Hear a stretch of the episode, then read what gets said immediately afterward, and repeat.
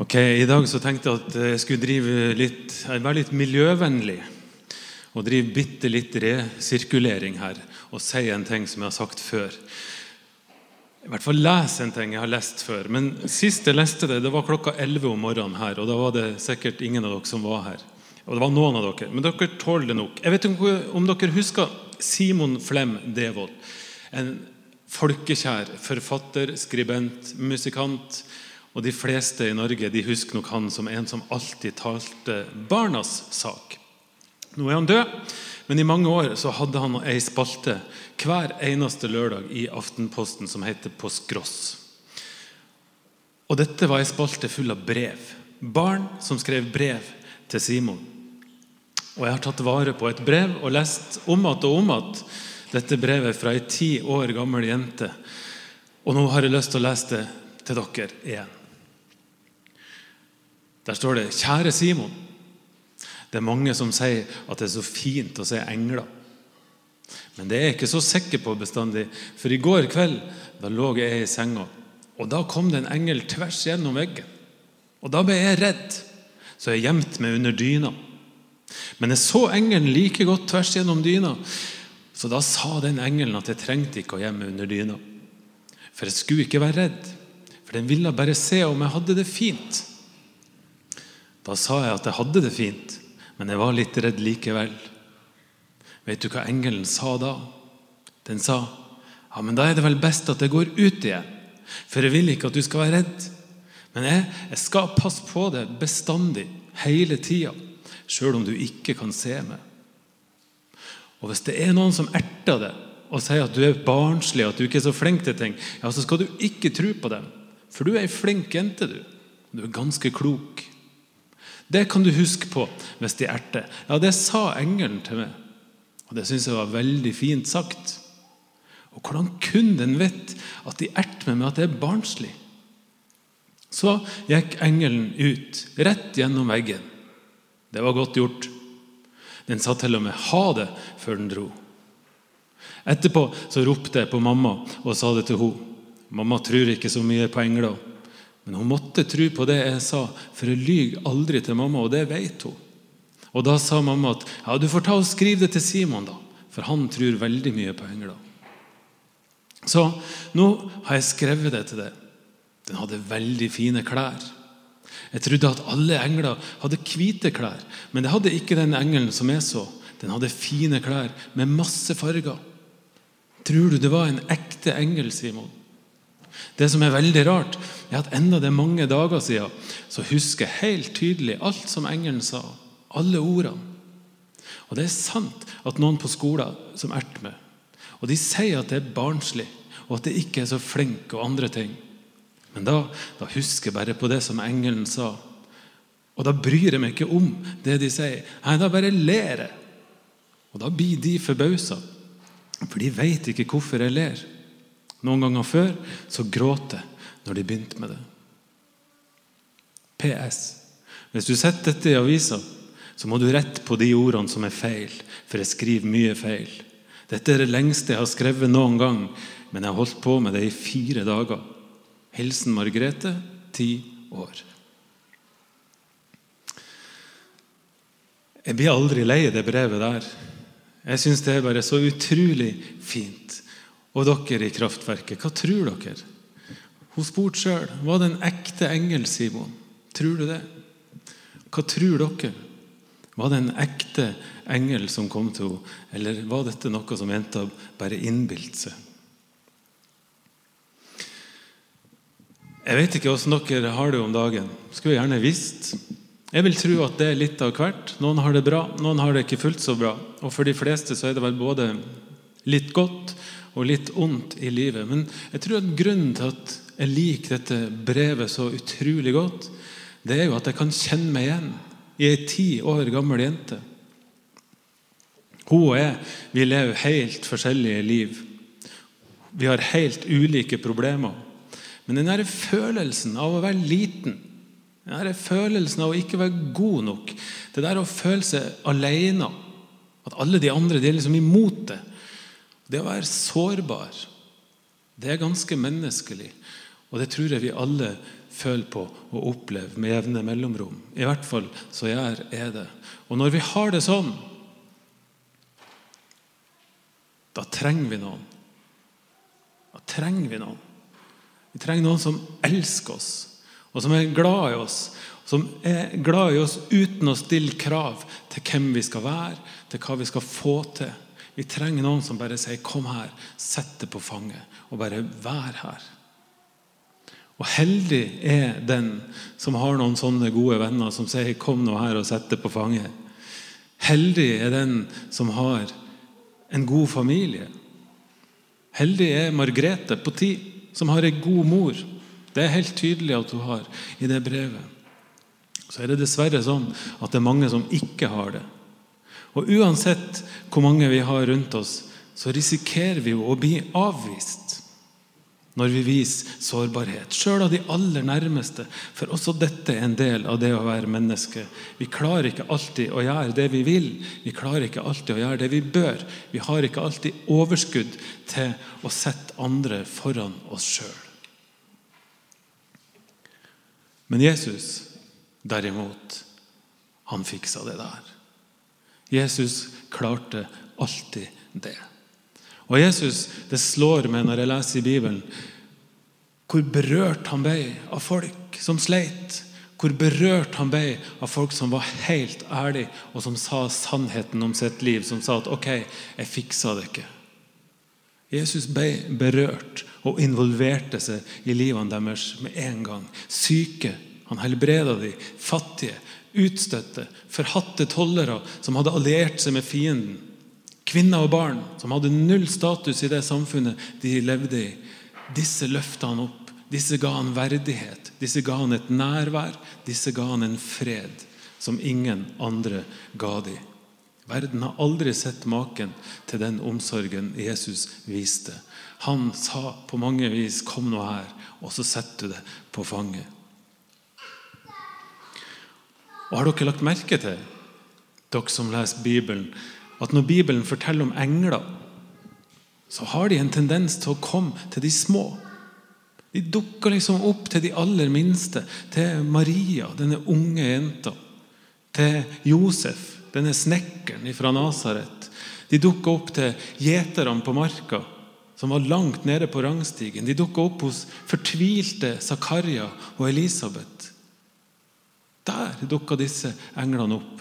Og I Bibelen så gjentar dette mønsteret seg hele tida. Gud er liksom på de svakes parti.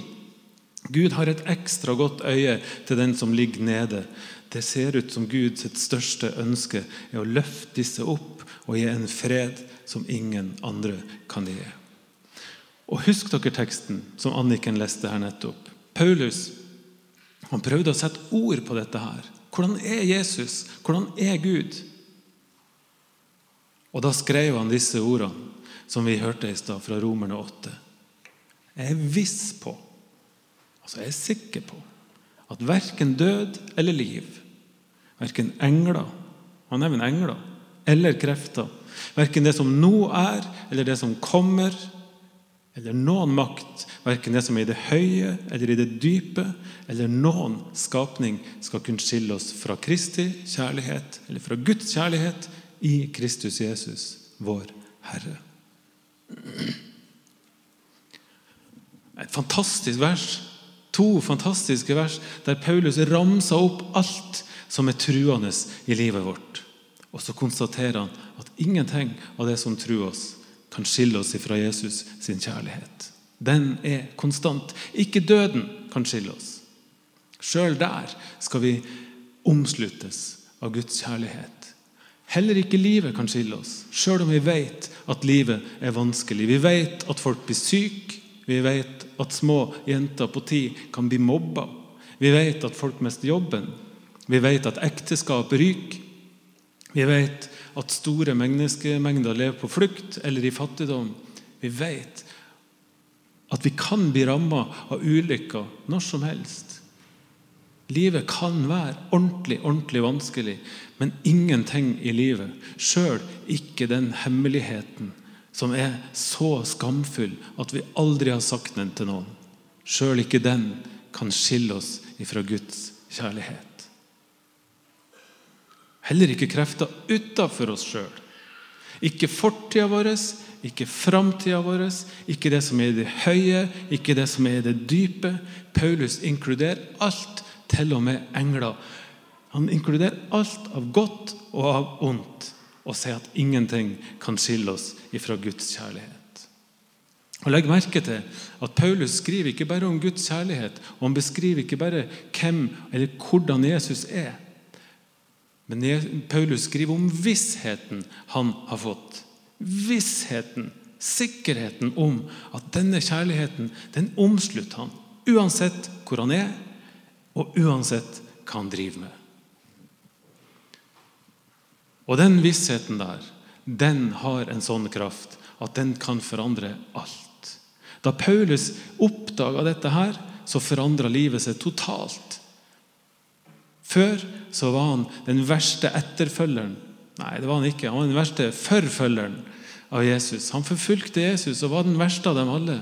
Så så han dette her, og så ble han en av de fremste etterfølgerne av Jesus. Da, eh, da Martin Luther oppdaga denne teksten og bora ned i den, så forandra hele kirkehistoria seg. Fram til da så hadde det å være sammen med Gud, det å, å, eh, kjøpe seg en plass hos Gud, det handler om strev, det handler om avlatsbrev, det handler om å være god nok. Og så oppdaga Luther dette her, og så oppdaga han at nåden alene, det er den nye veien til Jesus. Dette har enorm kraft. Det forandra så mye. Og Hør på én ting til som Paulus skrev rett før dette. her, Tre kapittel før. I kapittel 5, vers 2. Det er en knotete setning, men det er en fantastisk setning. Hør. Gjennom Jesus har vi ved trua fått adgang til den nåden vi står i, skriver Paulus. Hørte dere det? Gjennom Jesus har vi ved trua vår fått adgang til den nåden som vi står i. Og Jeg tror det er ganske vanskelig Nei, jeg tror det er ganske vanlig å tenke at nåde det er noen ting vi må be om. At nåde det er noe vi, vi får hver gang vi står der og ber om tilgivelse for et eller annet syndig vi har gjort. Men vet dere hva? Nåden er mye, mye større. Nåden er altså ikke ting som kommer og går, eller som dukker opp hver gang vi ber om tilgivelse eller står der med lua i handa og bøyd hode. Men nåden er noe vi har ubegrensa tilgang til. Det er noe vi står i på grunn av trua vår. Og Jeg er jo nordlending, som dere har hørt og vet. Og det er noe et eller annet med oss nordlendinger. Det er jo ikke ett sekund i livet vårt der vi ikke tenker en syndig tanke eller sier et eller annet dumt eller gjør et eller annet håpløst. Nå får jeg bekreftende nikk fra flere nordlendinger her. Sånn er det bare. Og i hvert fall fra de som er gift med nordlendinger. De vet at dette er sant. Men tenk nå, hvis det utrolige skulle skje, at jeg i ett sekund av livet mitt er helt ren og syndfri så er det jo ikke sånn at det lille sekundet der så tar jeg steget ut av nåden, fordi da trenger den ikke lenger. Det er jo ikke sånn nåden funker. Nåden er ikke noe vi går ut og inn av. Det er noe vi står i. Fellesskapet med Gud er noe som er der konstant. Noe vi har adgang til. Ikke fordi vi er rene, men fordi vi tror. Jeg skulle ønske dere var pinsevenner og sa at dette skjønte jeg. Dette har jeg. Nå har jeg fått den vissheten som Paulus snakka om. For det er nemlig et sånt fellesskap som dette her Jesus inviterer oss inn i. Det er et kjærlighetsforhold som er der hvert sekund av livet, hvis vi ønsker det. Der vi skal slippe å komme krypende. Men der vi, døra står vidåpen, alltid. Og der ingen av oss blir avvist, uansett hva slags liv vi lever, uansett hva vi strever med. Jeg vet ikke hva dere tenker, men høres det strevsomt ut, det her travelt liv, det her kristengreia? Jeg tenker ikke at det er strevsomt, jeg tenker at det er et hvilested. Det er et fantastisk sted å bygge livet sitt på. Tenk At det har en å gå med til alt. Gå til med alt. Absolutt alt. Sjøl det vanskeligste, sjøl det som plager meg, det jeg skammer meg over. Alt det kan jeg gå til Gud med. Og så er det ingen fordømmelse. Tvert imot. Men nåden vi står i, den består jo av kjærlighet, av glede, av fred, overbærenhet, vennlighet, godhet, trofasthet, ydmykhet og selvbeherskelse. Alle åndens frukter er tilgjengelig for oss i nåden vi står i. I alle livets situasjoner. Det oppdaga Paulus. For en visshet han hadde. Har vi den, dere? Ok, dere har fått tid til å tenke dere om. Var det en ekte engel som kom til Margrethe på tid? Jeg forventer ingen svar, men i kraftverket så skal vi jo være litt kritisk og litt intellektuelle. Og vi godtar jo ikke hva som helst. Og vi kan jo ikke bevise hva som helst. Så hvem veit? Det er jo det riktige svaret her. Men jeg har lyst til å snu på det i dag. Hvorfor ikke? Er det noen som kan bevise for meg eller forklare for meg at det ikke var en ordentlig engel, så vil jeg gjerne høre. Jeg mener, Hvis engler fins, og det må vi jo tro på, ja, så er det jo akkurat sånne ting engler driver med. Sånn som denne engelen som Margrethe fikk se. Det er liksom det de holder på med. Tenk om det er sant, dette budskapet om at ingenting kan skille oss fra Guds kjærlighet. Hvorfor går vi ikke dit med absolutt alt da?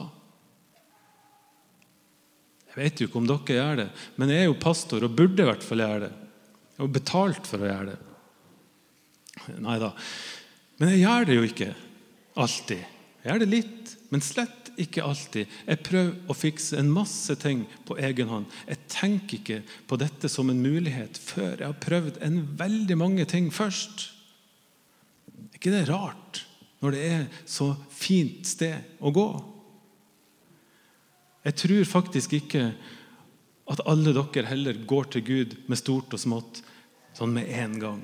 Vi gjorde en undersøkelse i denne menigheten for et års tid siden. Snart et års tid siden. Og selv om vi lett kan problematisere både spørsmålene og svarene som ble gitt, så var det helt tydelig at i kraftverket så har vi ikke sånn kjempeglede av å be. Og vi har ikke sånn kjempeglede av å lese i Bibelen. I hvert fall i forhold til andre menigheter rundt oss. Og hvorfor er det sånn? Det er kanskje ganske mange svar på akkurat det. Men jeg tror at ett av svarene er at det oppleves som litt sånn strevsomt, alt dette her. Det er enda en ting vi skal holde på med, denne bibellesinga og denne beinga. Så er det litt kjedelig. Det må vi jo bare ærlig innrømme. Sånn er det av og til. Det er en del andre ting som frister mer. Men det som jeg har lyst til å si til dere i dag, det er to ting. Og det må dere få med dere. Det første er Bønn og Bibel og alle de tingene der, det er ikke et krav, men det er en gave. Det å oppsøke et kristent fellesskap, det å gå i kirka, det å ta imot nattverden, det er heller ikke noe krav. Men det er en gave vi har fått. Og Sjøl om det av og til krever litt disiplin, så gjør vi jo dette for å se den nåden som vi står i. Vi gjør dette her for å få den vissheten som Paulus hadde om at ingenting kan skille oss fra Guds kjærlighet i Kristus Jesus. For det er et godt sted å bygge livet sitt på. Det er ikke et strevsomt sted. Tvert imot. Tenk å kunne hvile der med trygghet. Jeg vet om en del verre ting vi kan foreta oss, for å si det sånn. Den andre tingen jeg har lyst til å si, det er at jeg tror hvis vi ikke gidder dette her, hvis vi ikke orker, så tror jeg Og hvis vi ikke vender blikket mot Gud, så tror jeg vi går glipp av en hel del. Jeg tror vi går glipp av masse godt. Kanskje går det ikke sånn som vi tenker og ønsker i alle situasjoner, sjøl om vi ber, men jeg tror at uansett så går det an å finne trygghet og trøst. Det går an å finne glede og fred eller en av disse åndens frukter som vi trenger som aller mest. Ja, jeg tror til og med at ved å vende blikket mot Gud, så kan vi til og med oppleve å få besøk av en engel en gang iblant. Når vi trenger det som mest. Nå er søndagsskolen over. og Det betyr at nå er det nattverd hvert øyeblikk. Der alle vi, barn og voksne og i alle livssituasjoner, får en invitasjon om å etter hvert reise oss opp, kom fram hit, ta imot brød og vin, og på den måten si jeg ønsker og vende blikket mitt mot Jesus i alt jeg foretar meg. Jeg ønsker at Jesus skal være en del av livet mitt. Jeg ønsker å stå med begge beina mine planter i den nåden vi har tilgang på pga. trua vår. Jeg ønsker å ha blikket mitt festa på Jesus, for jeg tror at Jesus har blikket sitt festa på meg. Det handler nattverden om. Den er helt frivillig, selvfølgelig.